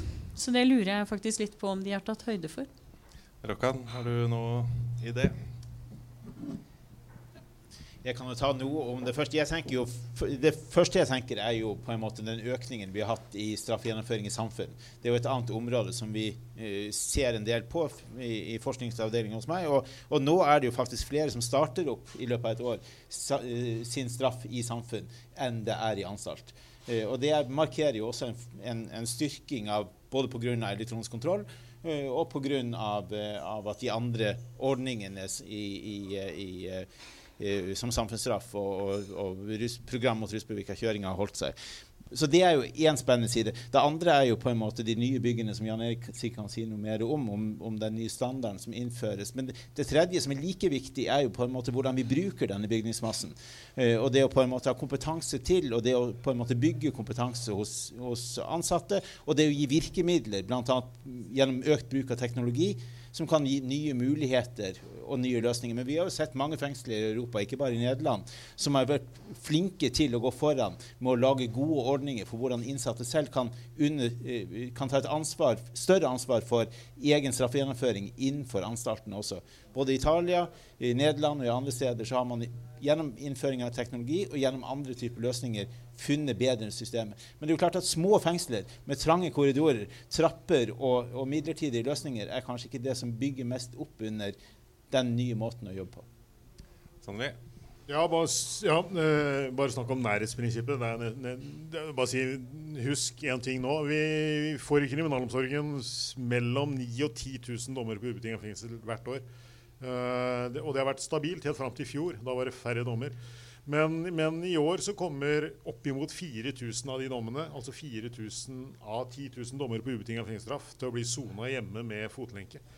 Og det er, ikke sant, så, så, Sånn sett så er situasjonen totalt sett helt, helt annerledes. Og, og, det er ingen tvil om at det, det kommer ny teknologi som kommer til å føre til at dette er økt. Regjeringen har hatt et veldig godt forslag ute på høring eh, om å øke tidene fra fire måneder til seks måneder, og, og også ta i bruk eh, ny type teknologi som vil øke i og for seg anvendelsesområdet. så sånn sett ligger foran. Til dette med det bygningsmessige så, så, så har vi, og det har vi til og med klart å gjøre i Halden fengsel, så bygde vi avdelinger for innsatte med brev- og besøksforbud, som vi hadde mye før. Altså rester av Philadelphia-modellen. Vi, vi, har bygd, hatt fengselsavdelinger uten aktiviseringstilbud til innsatte. Og de har vært brukt da, til varetekt og mottakelsesavdelinger.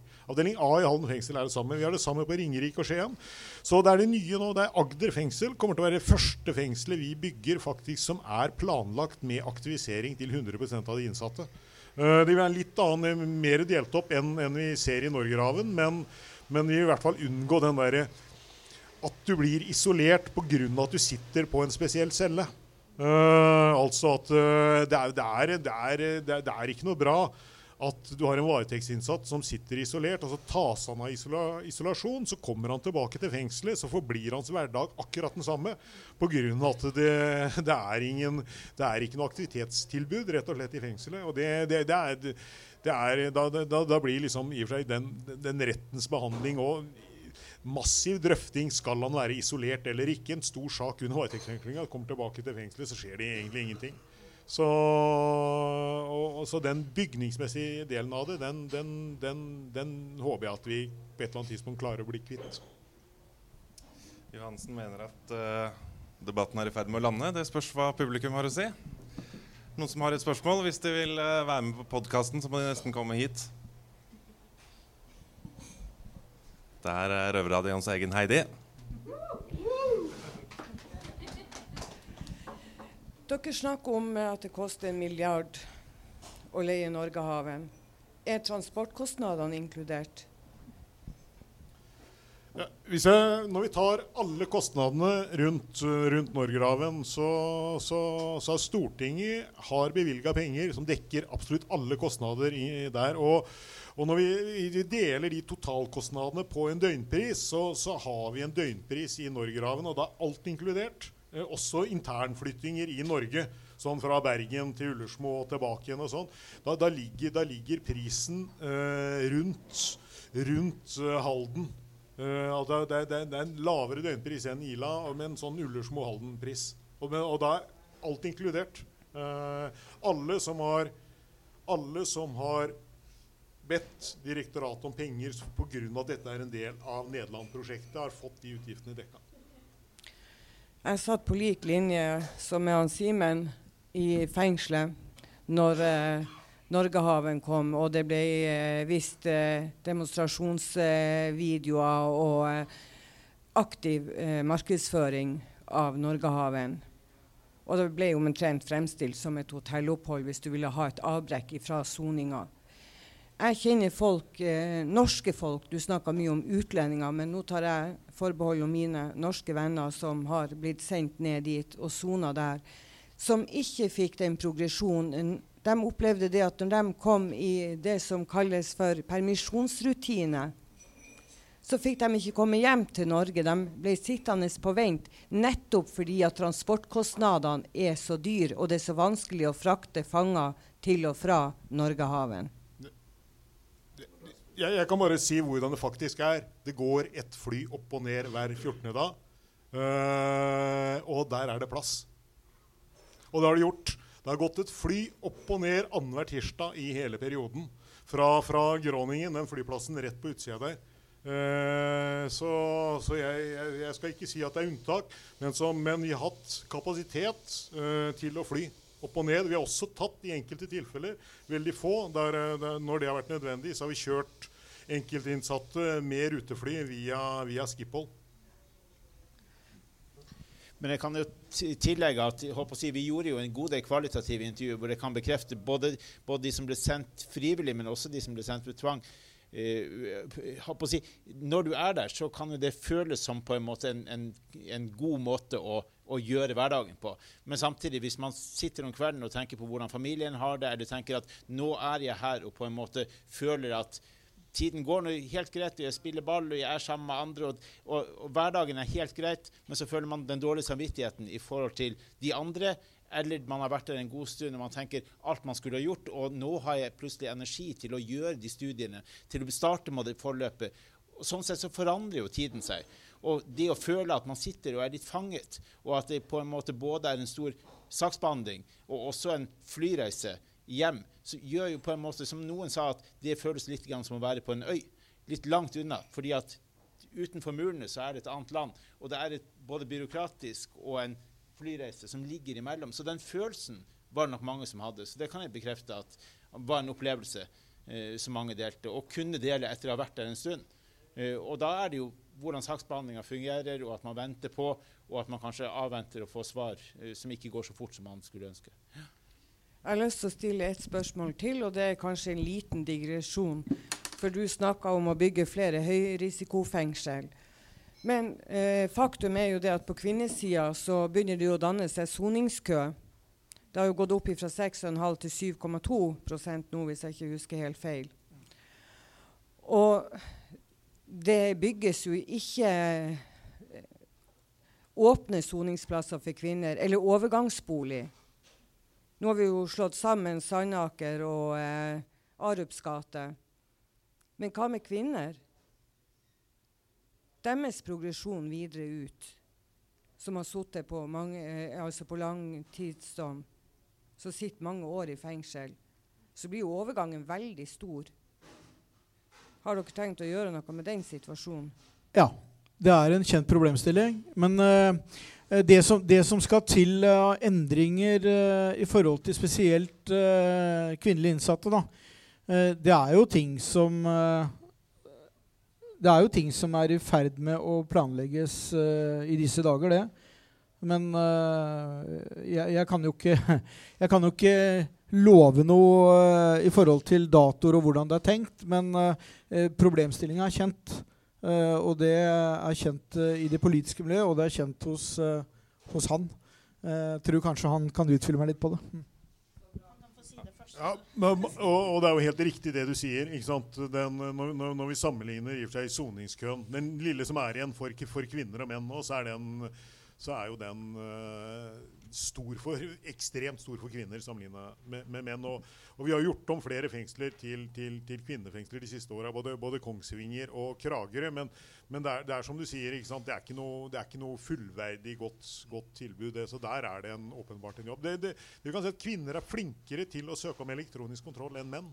Så det er en relativt høyere andel, og det, det er jo positivt. Men, men, det er klart at kriminalomsorgen har mye mer ugjort på kvinnesiden enn på mannssiden. Da var det Kaski. Bare en liten ting jeg har lyst til å legge til der. og Det er det, det er også et skrikende behov for et nytt kvinnefengsel.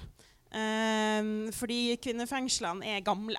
Eh, og jeg, har hørt en sånn historie, jeg vet ikke om jeg kan liksom si at den er helt sånn, men at sist gang man snakka om å bygge et nytt kvinnefengsel, så hadde man liksom gode planer om det, men så kom krigen.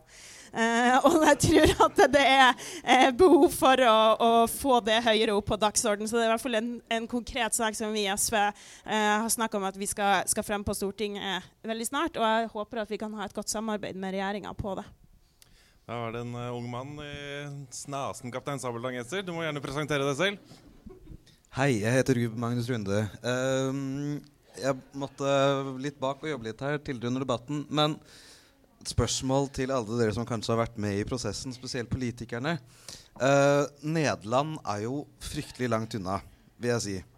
Uh, tenkte man, eller så man på muligheter i Sverige, Danmark, Finland, eventuelt Færøyene? Det er også langt ute på en øy. Altså, så man på uh, pris, og så man på beliggenhet? Og hvorfor falt det akkurat på Nederland? Fordi Altså, vi kjenner jo også til de liberale lovene som også er i Nederland. Uh, og de innsatte som jeg har vært i kontakt med og snakket med, var litt sånn Noen av de grudde seg til å komme til uh, akkurat dette landet med gull og grønne skoger, da. er det noe svar på det? Hvorfor akkurat Nederland? Ja, uh, jeg vet det var noen som snakka med Sverige, men jeg tror Nederland, Nederland To ting. Det ene er at de hadde masse ledig kapasitet. Og det andre var at de, de har, har, vært det eneste landet som har gjort det en gang før. Altså de har leid ut et fengsel til Belgia. Uh, så, og, og, og, og, de fleste land uh, opp til i og for seg de siste åra har jo hatt uh, kapasitetsproblemer. men men det, det, det, var nok det noen no, no, no grunner, og, og, der det var faktisk ledig kapasitet, rett og slett. Johansen? Så må jeg få lov til å legge til at lovverket i Nederland var det som var mest likt det norske. Det er faktisk helt uh, altså det, det, I straffegjennomføringsloven da, det er ikke helt uh, uten betydning. Altså, for det er som du, stem, som du sier, man var i dialog med Sverige. Men det stranda, og en av årsakene er at det er uh, relativt stor forskjell på, på lovverket. Da var det mannen bak der med skjegg. Jeg har lang nok. Jeg har Jerry Springer. Ja, mitt navn er Rolf Solvang, og jeg jobber som frivillig i SON, straffedesorganisasjon i Norge. En interesseorganisasjon som dessverre ikke har hatt penger nok til å være med på disse turene til Nederland. Jeg eh, skal ikke si så mye om det, bare til det siste at uh, det var jo Sverige som uh, først fikk henvendelsen. Og Sverige sa at dette er helt ulovlig, vi kan ikke godta utveksling av norske fanger i et fremmed land. holdt det på seg. Så da var det jo flaks at nederlandsloven uh, kanskje ble omgått på en måte. da. Jeg tror ikke alle stortingsrepresentantene har sett på hvorfor svenskene mente det var ulovlig med fangeeksport på denne måten. da. Uh, skal ikke si så mye om Vi har hatt folk i sonen som både har kommet hjem veldig lykkelige og ganske ulykkelige. Og det skal sikkert Hanne si mer om familiefolk og sånt. Uh, det som jeg var litt opptatt av, det er å legge dette bak oss. Og hvordan en skal strukturere fengslene i Norge i framtida. For jeg er veldig skeptisk til å gå tilbake til den modellen vi hadde for 200 år siden, når alle ble sendt til København. Og om det blir ikke så langt forskjell fra Finnmark til Halden, København er bare et bitte stykke til. Så jeg vil oppfordre folk til å, politikere og sånt, til å opprettholde de gode småfengslene. Haugesund, Vik, Osterøy, som blir lagt ned, og som er det vakreste i kriminalomsorgen i Norge. holdt på å si. Ta vare på strukturen. De små fengslene og nærhetsprinsippet er veldig viktig. Uh, om dere kan svare på det. Så sentrale, store anstalter er farlig. Vi trenger kanskje å bygge den først nå, men behold Norge. Noen som vil uh, svare? Jeg kan begynne.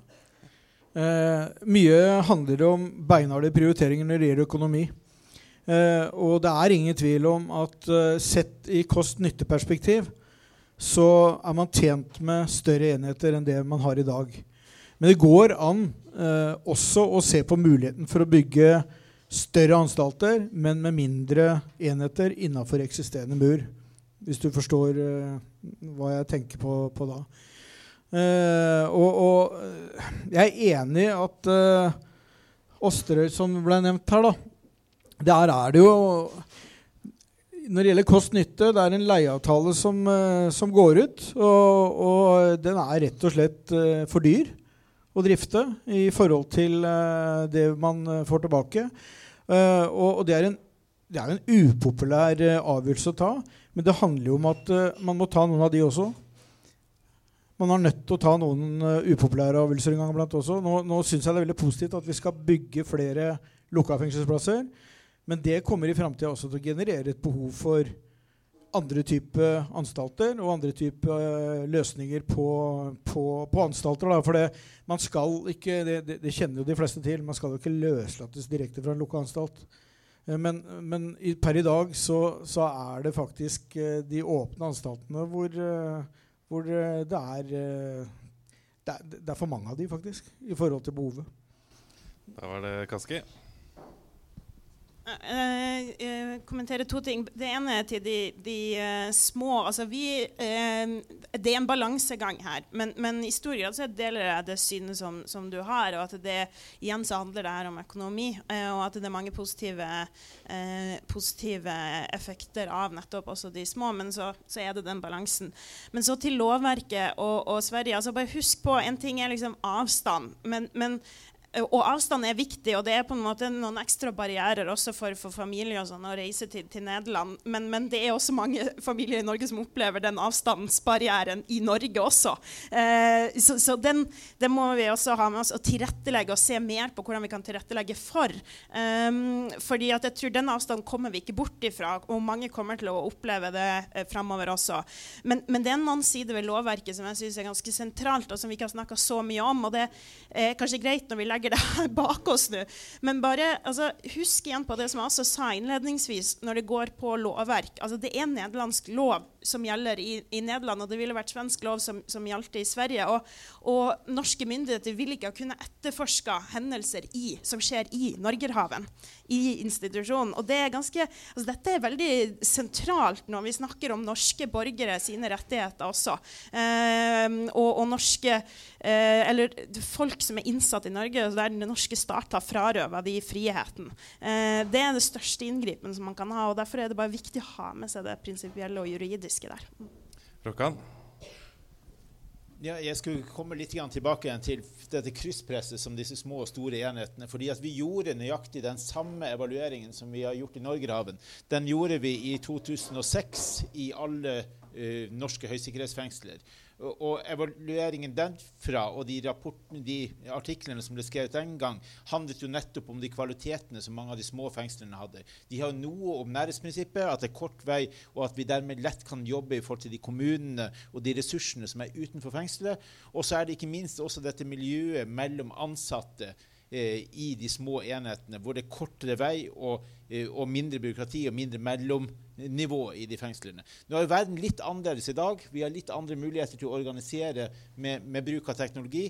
Eh, og så er det kanskje ikke et argument for å beholde de gamle, eh, vanskelige gangene og gå opp. Det er mye god, eh, godt samarbeid i å hjelpe hverandre med mattriller opp trappene i Haugesund fengsel, men det er ikke nødvendigvis god rehabilitering i det. Så vi må på en måte finne ut hvordan vi bruker de arenaene på en god måte, både for å gi den åpenheten, det rommet, for å gi god faglighet Eh, og for å beholde de gode kvalitetene som vi så den gangen vi gjorde den samme evalueringen i norske fengsler og fant at små fengsler hadde mange av de gode kvalitetene som de store kanskje manglet.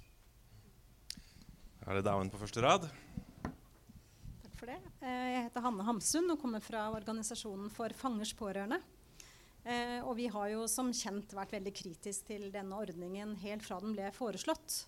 Uh, og jeg syns nesten det er litt, litt ja, synd at diskusjonen i såpass stor grad, også nå når vi diskuterer hvordan var det, går på det på si, praktiske, plusser og minuser. For vi mener at dette så, i så stor grad da, handler om prinsipielle spørsmål. Eh, det handler om brudd på prinsipper som man i norsk kriminalomsorg har holdt veldig høyt. Eh, og selv om man som du nevnte nå, man kan ikke alltid holde de, så har man i hvert fall gjort en, et forsøk på å prøve å holde de. Og så går man på en måte litt mer systematisk bort fra de og legger de bort. Og dette med å sende folk på tvang til soning i et annet land er en enorm belastning både for de det gjelder, og ikke minst for familien. Eh, og for å holde meg da til familieperspektivet. Eh, vi har jo også holdt kontakt med familiene, de pårørende, gjennom disse årene. Eh, og, vi vil konkludere med at dette er et trist kapittel i norsk kriminalomsorg. Et kapittel vi ikke skal være stolte av, og noe vi bør virkelig jobbe for at ikke gjentar seg. Og da mener jeg, vi at da må man diskutere nettopp de prinsipielle tingene, og ikke hvordan de innsatte hadde det i Norgerhaven, for det er på en måte litt irrelevant. Um, og det er jo flere heldigvis som har tatt opp at dette har vært belastende for pårørende. Um, men vi mener, og, det har det virkelig vært. Eh, altså det har vært eh, lite besøk fra Norge til Norgerhaven. Ja, noen fikk kanskje eh, kortere reisevei. Men, vi, men, for de som familie, hadde familie i Norge, og det var tross alt en god del, eh, de fikk langt færre besøk i Norgerhaven enn de ville fått i Norge. Eh, og eh, FFP gjorde et, en stor innsats for å prøve eh, å få en dialog både med KDI og med Justisdepartementet knyttet til å få på plass en reisestøtte. For det ville jo hjulpet. Da ville man jo faktisk vist at vi ser at de pårørende er, lider under dette. De er uskyldige, det er ikke de vi skal ramme. Og vi kan gjøre noe for å gjøre det bedre for dem. Det valgte man å ikke gjøre. Jeg tror Det tok nesten et år før den konkrete forespørselen til Justisdepartementet ble behandlet, og det var et avslag. Eh, og det, det, kostet for én person å besøke Norgerhamn fengsel etter vår beregning 5000 kroner. Fordi man ikke kan reise frem og tilbake. Det er en reise som tar 8 12 timer. Jeg har reist den selv. Eh, 8,5 timer hver vei, og man må overnatte, eh, naturlig nok. 5000 eh, kroner er masse penger for de fleste av oss. Eh, og man reiser kanskje heller ikke alene på en sånn lang reise. Eh, og det er, det er, betydelige utgifter for folk. Og det er jo en helt klar konsekvens at det blir mindre kontakt. Og det burde man tatt mye mer på alvor enn det man valgte å gjøre. For dette var et valg. Eh, og det, jeg husker I begynnelsen så fulgte vi veldig godt med. Vi hadde kjempegod dialog vi med Norgerhaven fengsel. Vi fulgte godt med på antall besøk. Og det var jo noen som valgte å ta reisen. det er ikke det. Men for mange betydde det at man ikke kunne besøke. Og Skype er supert. Vi er enige at den ordningen var jo virkelig et eksempel til etterfølgelse. Det håper vi virkelig eh, kriminalomsorgen tar på alvor. Eh, men det er ikke en erstatning for besøk, og det er det vel heller ingen som har ment at det er. Men, eh, men uansett, dette var en, en kjempestor belastning. Eh, eh, og så har jeg også lyst til å si at dere har jo evaluert. Men man har jo ikke evaluert det store bildet som, som Kaski tok opp her, som er veldig viktig. Og det har vi også sett veldig mye av i FFP gjennom disse årene. For vi fikk henvendelser fra pårørende allerede da deres innsatte kunne bli vurdert for ordningen til Nederland. Da de gikk rundt og var redd for at deres eh, sønn eller mann skulle faktisk bli sendt til, til Norgerhaven fengsel lenge før det var til og med fattet noe vedtak. Og så ble vedtaket kanskje fattet eh, fordi man var blant de 3020 som ble vurdert. Så ble man til og med kanskje sendt til Ullersmo fengsel, hvor man satt eh, over lengre tid mens klagen ble behandlet. Eh, og i, ganger, i, mange tilfeller så jo, førte det til at man faktisk ikke ble sendt. Men også den perioden var belastende. For familiene, for de innsatte. Det burde være med i evalueringen, for det gjorde noe med norsk kriminalomsorg gjennom hele denne perioden. Um, og, og, hvordan de hadde det i Norgerhaven, er bare en liten del av det. Og, og, det tok også du opp, dette med hvordan var det for de norske ansatte i norske fengsler. Vi har fått masse tilbakemeldinger vi, fra ansatte i norske fengsler som syns at denne ordningen En ting var at mange var imot det. Selv om det kanskje løste et problem, så var mange imot det. Men de måtte også sitte og håndtere noe de var imot. De måtte bruke kapasiteten sin på å rekruttere til Norgerhaven istedenfor å drive med straffegjennomføringsarbeid. Og det var det også mange som syntes var veldig frustrerende. Og det burde også vært en del av evalueringen. Hva gjorde det med norsk kriminalomsorg?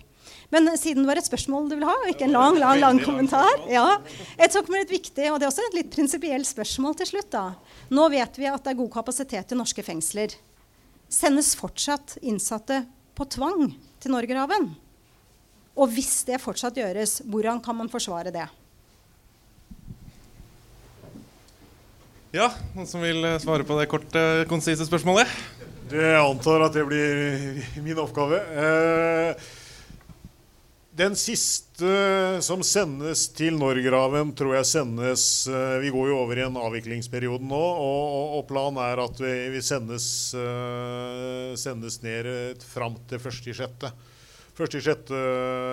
går nok den siste ned, og så, og så, kommer man til å tømmes. og Den siste hjem blir 1.9. eller 31.8 er, er jo avtalen over, og, og da avvikles. Så og i midten av august så går nok de siste fly hjem. Eh, ennå er det noen som, som, sendes ned med tvang. Eh, det, det, vil nok være en håndfull, tror jeg.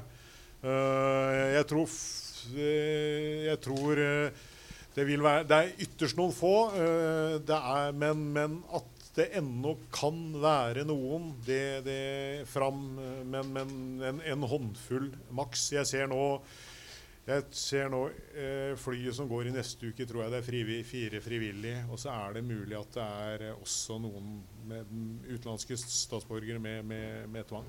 Jeg skal ikke si det. Men det er en, det er en, du har helt poeng, det er en diskusjon i øyeblikket nettopp det. altså på grunn av at det er eh, det er mange ledige plasser i Norge i øyeblikket, men, men eh, rundt 500 ledige. 70 av de ledige plassene er jo i Norgerhaven, eller noen og 70. Eh, og, men, og, hvis du hadde tatt de, de 170 innsatte i Norgerhaven og tatt tilbake de i morgen, da, for å si det sånn, så ville det vært helt fullt i alle fengsler med høyt sikkerhetsnivå i Norge.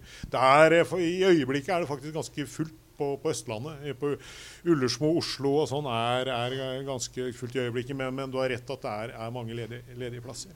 Jeg har lyst til å si det, det, og det, også, det har vært opptatt av, av, det problemet med besøk. og Det er jo også erkjent i planleggingen at det kom til å bli en stor, stor, stor utfordring. Det er, jo, det er jo grunnen at man valgte å si at de som får besøk av egne barn i norsk fengsel, de sendes ikke mot sin vilje. Og det er klart at i en, når man gjør det til en regel, så er det en, er det en åpenbar erkjennelse at det er mye vanskeligere å ha besøk i Norgerhaven. Rakan. Vi har jo laget og skrevet en rapport som er oversendt til Justisdepartementet. Neste uke skal hele denne forskningsgruppen på ti personer møtes i Nederland for å snakke om videreføring av de artiklene som ligger rundt. Vi har veldig mye kvalitative intervjuer som handler om alle enkeltpersoner. Vi har snakket med både betjenter der nede, eh, norske ansatte, nederlandske ansatte, men ikke minst innsatte. Og, og vi ser jo at det er i dette bildet så handler det jo om alle de enten norske eller utenlandske som har alle disse relasjonene som ikke er offisielle, eller som ikke er formelle, eller som er besøk og relasjoner som ikke teller med i denne sammenhengen, eh, og som helt klart stresser folk og stresser folk i den tilværelsen å være der, og som gjorde at mange hadde dårlig samvittighet fordi at de hadde en familie der hjemme eh, som kanskje led på vegne av dem. Mange av de temaene kommer vi til å problematisere en del, fordi det er nettopp dette både med personlig utvikling, forhold til, til familie og byråkratisk legitimitet. Det å føle at det er, det er, langt, ikke bare sånn fysisk, for det er jo én ting at det er langt fysisk mellom norske fengsler, men man føles også at det er langt i forhold til saksbehandlingsprosessen som skal til for å komme hjem. Eh, og det skapte en ekstra sånn dimensjon for mange. Eh, I hverdagen kunne det føles helt greit, men så følte man da på denne dårlige samvittigheten fordi at man hadde havnet i denne situasjonen hvor det egentlig var godt å være, men hvor det helt klart gikk utover noen, og familie var det det gikk utover. Vi tok turen ned eh, med flyet bare for å se på denne ordningen, for å få liksom sånn innpakningen rundt det og opplevelsen rundt det å være på en øy. For det er jo litt sånn når man aldri er utenfor hjernen og egentlig ikke vet hvordan det er utenfor hjernen hvis man ikke er så heldig å ha et vindu uh, som vender ut og ikke inn mot luftegården, så, så har man jo på en måte ingenting utenfor å gjøre. Om det er Nederland eller Sverige eller hvor det skulle være, spiller sånn sett ikke noen rolle. Og den følelsen uh, er interessant, og det har vi en god del intervjuer på. En annen ting rundt dette med, med å, å, velge er jo på en måte at også mange av de som velger å komme ned frivillig, kan, trenger jo ikke nødvendigvis å gjøre det fordi at man ønsker å gjøre tid i Nederland. Det kan jo like godt være fordi at man ikke ønsker å være der hvor man var. Og vi så jo utover i perioden også at, at andelen sedelighetsdømte eller andelen andre også økte, som, hvor mange begrunna at det, det, var for å komme bort fra en annen situasjon. Og her hadde man mulighet til å velge eh, hvis man var i en sånn livssituasjon at man kunne velge. Så, så, det er også en problematikk rundt dette her som gjelder at vi nå har ledig kapasitet, hvordan vi bruker og hvordan vi setter sammen. Så, så ja, det er mange sånne problematikker vi kommer til å skrive artikler om i tiden framover. Da har jeg to stykker som har tegnet seg for spørsmål, som skal få stille spørsmål. Men de bør være korte, og litt korte svar også. hvis Det er mulig. Røverradioens egen Martine. Yeah, ok, jeg skal prøve å være kort. Eh, Norge er jo verdenskjent for å ha dritbra kriminalomsorg. Og det er mye fordi man ikke bare tenker på at eh, folk skal straffes, men det er todelt. Man skal også rehabiliteres. Jeg snakket med en av de som var eh, satt sona i Nederland, som jeg tror var tillitsvalgt for de innsatte der nede. Han sa Nederland det er et fint sted å sone hvis du ikke har familie, hvis du ikke, eh, hvis du ikke har noe skole du må ta ferdig, som er sånn 60% av de innsatte, tror jeg. Og hvis du ikke er interessert i å gjøre noe med livet ditt, da er Nederland et veldig fint sted å være, sa han. Eh, så mitt spørsmål til, eh, til, de som har lyst, føler seg truffet av det, er eh, Nå kommer jeg ikke på en bedre måte å si det på, men de, altså, det med familie og skole og det å ville komme en vei, det er jo det som er rehabilitering. Da tenker jeg at er det, det prosjektet i Nederland, å sende folk dit, er det litt som å eh, tisse på seg når man fryser? Altså Kommer det nå hvis, altså de, eh, de, innsatte som var der nede, hvis ikke de har fått den rehabiliteringa som de kanskje burde ha fått, da, som man skal få etter hva man tenker om norsk kriminalomsorg, um, er det da liksom på en måte Har man uh, driti seg ut, og så ser man effekten av det om noen år? Det er spørsmålet mitt. Ikke veldig imponert over kortheten din, Martine. Noen som vi svare? Meg, ja. Det blir vel deg igjen. Nei, ja, jeg, jeg, håper at vi skal svare nei, naturlig nok. Uh, nei, men, men, men, noe av grunnen Vi har slitt litt med å holde belegget oppe i Nederland. Og, det er, uh, og, og, og noe av grunnen til det er at ingen skal være der etter at de har søkt seg over i, i, til åpen anstalt osv. Så, videre, så så skal du tilbake. Når du får permisjon, så skal du tilbake. Og, det, og Dommene i Norge er korte. Og Derfor så har oppholdet i Nederland nå for veldig mange blitt ganske kort.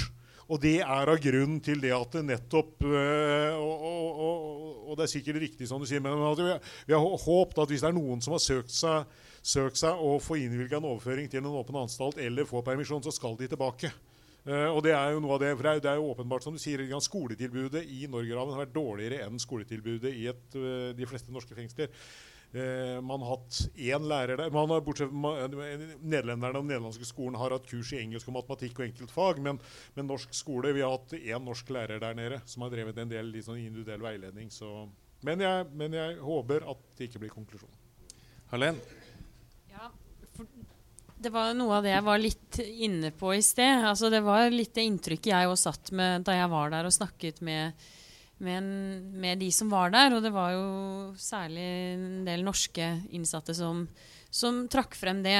Men om det har gjort måte, rehabiliteringen dårligere, det er jo litt vanskelig å si. For det er jo ikke sikkert at de som nettopp søkte seg ned dit, um, ville ha benyttet seg av uh, veldig mye rehabilitering i norske fengsler. Uh, og det kan jo godt hende at også for de så var det gjorde det oppholdet bedre. Altså det ga de, ga de bedre, bedre, dager, rett og slett. Det var noe av det inntrykket jeg satt med fra de norske innsatte jeg snakket med. Da blir det siste korte spørsmålet fra herren i grå genser. Hei. Eh, mitt navn er Stian Essenstad. Jeg er leder for soning og tilbakeføringssenteret i Gressenvind 26. Eh, mitt eh, korte spørsmål jeg skal prøve å være kort, det er hvorfor investeres det så lite i folk som koster oss så mye? Jeg har sjøl jobbet i kriminalomsorgen og sett soningskøer gjennom flere regjeringer. Og jeg kjenner folk som sitter i så sentrale posisjoner, både politisk og sentralt eh, byråkratisk, uten å tørre å ta de grepene. Vi vet at det koster så lite å gjøre store endringer som kan få folk tilbake til en helt annen hverdag. Vi vet mye om de levekårsproblemene som møter dem på utsida. Bare her i dag så følger vi opp eh, rundt 350 deltakere som får hjelp, og som bruker huset her. Eh, så spørsmålet mitt er hvorfor ikke bruke mer ressurser på tilbakeføringa? Vi legger så mye ressurser inn i tilbakeføringa eller i arbeid i fengselet. Norsk kriminalomsorg og som du sier, betjentene er veldig opptatt av å tenke på innholdet i soninga. Og hvorfor da ikke gjøre noe med det arbeidet som legges på innsida, og prøve å få et bedre resultat på utsida? Å få ned den køa på den måten. For det er mye de samme folka vi driver og straffer, og det vet du òg. Så hvorfor har vi Dette er mer politisk, da. Noen som vil svare kort? Det er også et uh, kjent, uh, evigvarende problem og et uh, godt spørsmål. Hva skjer med ettervernet? Kriminalomsorgen har jo først og fremst ansvaret så lenge man straffegjennomfører. og det som kommer i ettertid jeg, Min oppfordring da, til dere som har dette som deres hverdag, og som jobber med det, det er å kontakte bl.a. oss i departementet stelle jeg huet litt sånn til hogg for deg. Eh, du skal få telefonnummeret etterpå. Og så er det snakk om en bevisstgjøring også overfor oss politikere om hvilke utfordringer som fins. For eh, det er ikke alle som har drevet med politikk eh, hele livet. Det er noen som har eh, jobba òg tidligere. Så det, det, er min oppfordring. Altså påvirkning, ikke gi opp. Uh, for det du sier, det er uh, relevant spørsmål som har Det har jo vært utfordringer i lange, lange tider. Altså I hvert fall de 25 åra jeg har holdt på i kriminalomsorgen, så har det vært et uh, spørsmål som jeg syns det er for lite diskutert og oppe i hverdagen. Så det er, det er, min oppfordring. Så får vi håpe på at vi kan klare å få endra det i framtida. For jeg er helt enig med deg. Eh, det å investere i, i mennesker som uh, begår mindre kriminelle handlinger enn det vi har gjort hvis ikke det blir investert, det er uh, du, du, du, kan ikke lage regnestykker. Altså det er enorme summer som man sparer samfunnet for. Og det er jo det er det politikerne må høre. Det er jo penger. Da får Kaski siste ord. Takk. Eh, jeg har eh, også vært i yrkeslivet før jeg ble politiker. Riktignok ikke i kriminalomsorgen, men det var politikken som ga meg mulighet til å engasjere meg i det. Eh, og lære meg mer om det, så det er jeg glad for. Og um, jeg tror jo, det er mye riktig i det som blir sagt fra min kollega her, og at vi også som er opptatt av det, har et ansvar både der vi er i politikk, men også internt i egne partier, i å løfte det. fordi at det der også legges uh, politiske føringer for prioriteringene. Men så så vi jo noen ganske uh, kjipe kutt på, her, uh, på både ettervern og, og knytta til organisasjoner som jobber med det i forbindelse med statsbudsjettet i høst. og da var det viktig med det, det på en måte at dere også roper opp. og så må vi følge det opp på Stortinget. Men det er klart det blir fort sånn at ja, det, du går liksom ett skritt fram og så to tilbake pga. sånne runder. Jeg tror det her handler om eh, også dessverre at det er en gruppe det er lett å overse i samfunnet. Eh, og som ikke nødvendigvis har, har eh, har de ressursene sant, til å klare å løfte og prege debatten i, i, samfunnet. Og vi ser det på andre områder også, områder også, der du kan forebygge at forebygging ikke blir gjort. Og så bruker vi masse penger på reparering. Eh, så her får vi jobbe sammen. Og så trenger vi at eh, også både vi står på, og at dere står på for å klare å løfte det her enda høyere. Og eh, mange av dere som er til stede her i dag, og Røverradioen er eh, kjempeviktig for akkurat det, og for å løfte bevisstheten ute hos folk flest. Også. Da skal jeg avslutte. Eh, jeg har sittet både tre og fire døgn i glattcelle. Det er ikke gøy. Jeg håper i, det minste at uh, dette har medført at uh, det ikke skjer pga. kapasitetsproblemer. Skal vi runde av? En ting man kan spørre seg om, er hvorfor er det så mange ledige fengselsplasser i Nederland? Det er jo litt underlig. Neste røverdebatt blir 2. mai på Røverstaden. Da blir tema legalisering av narkotika. Så må dere følge Røverradioen på Facebook. Da får dere vite alt vi driver med. Sier tusen takk til debattantene.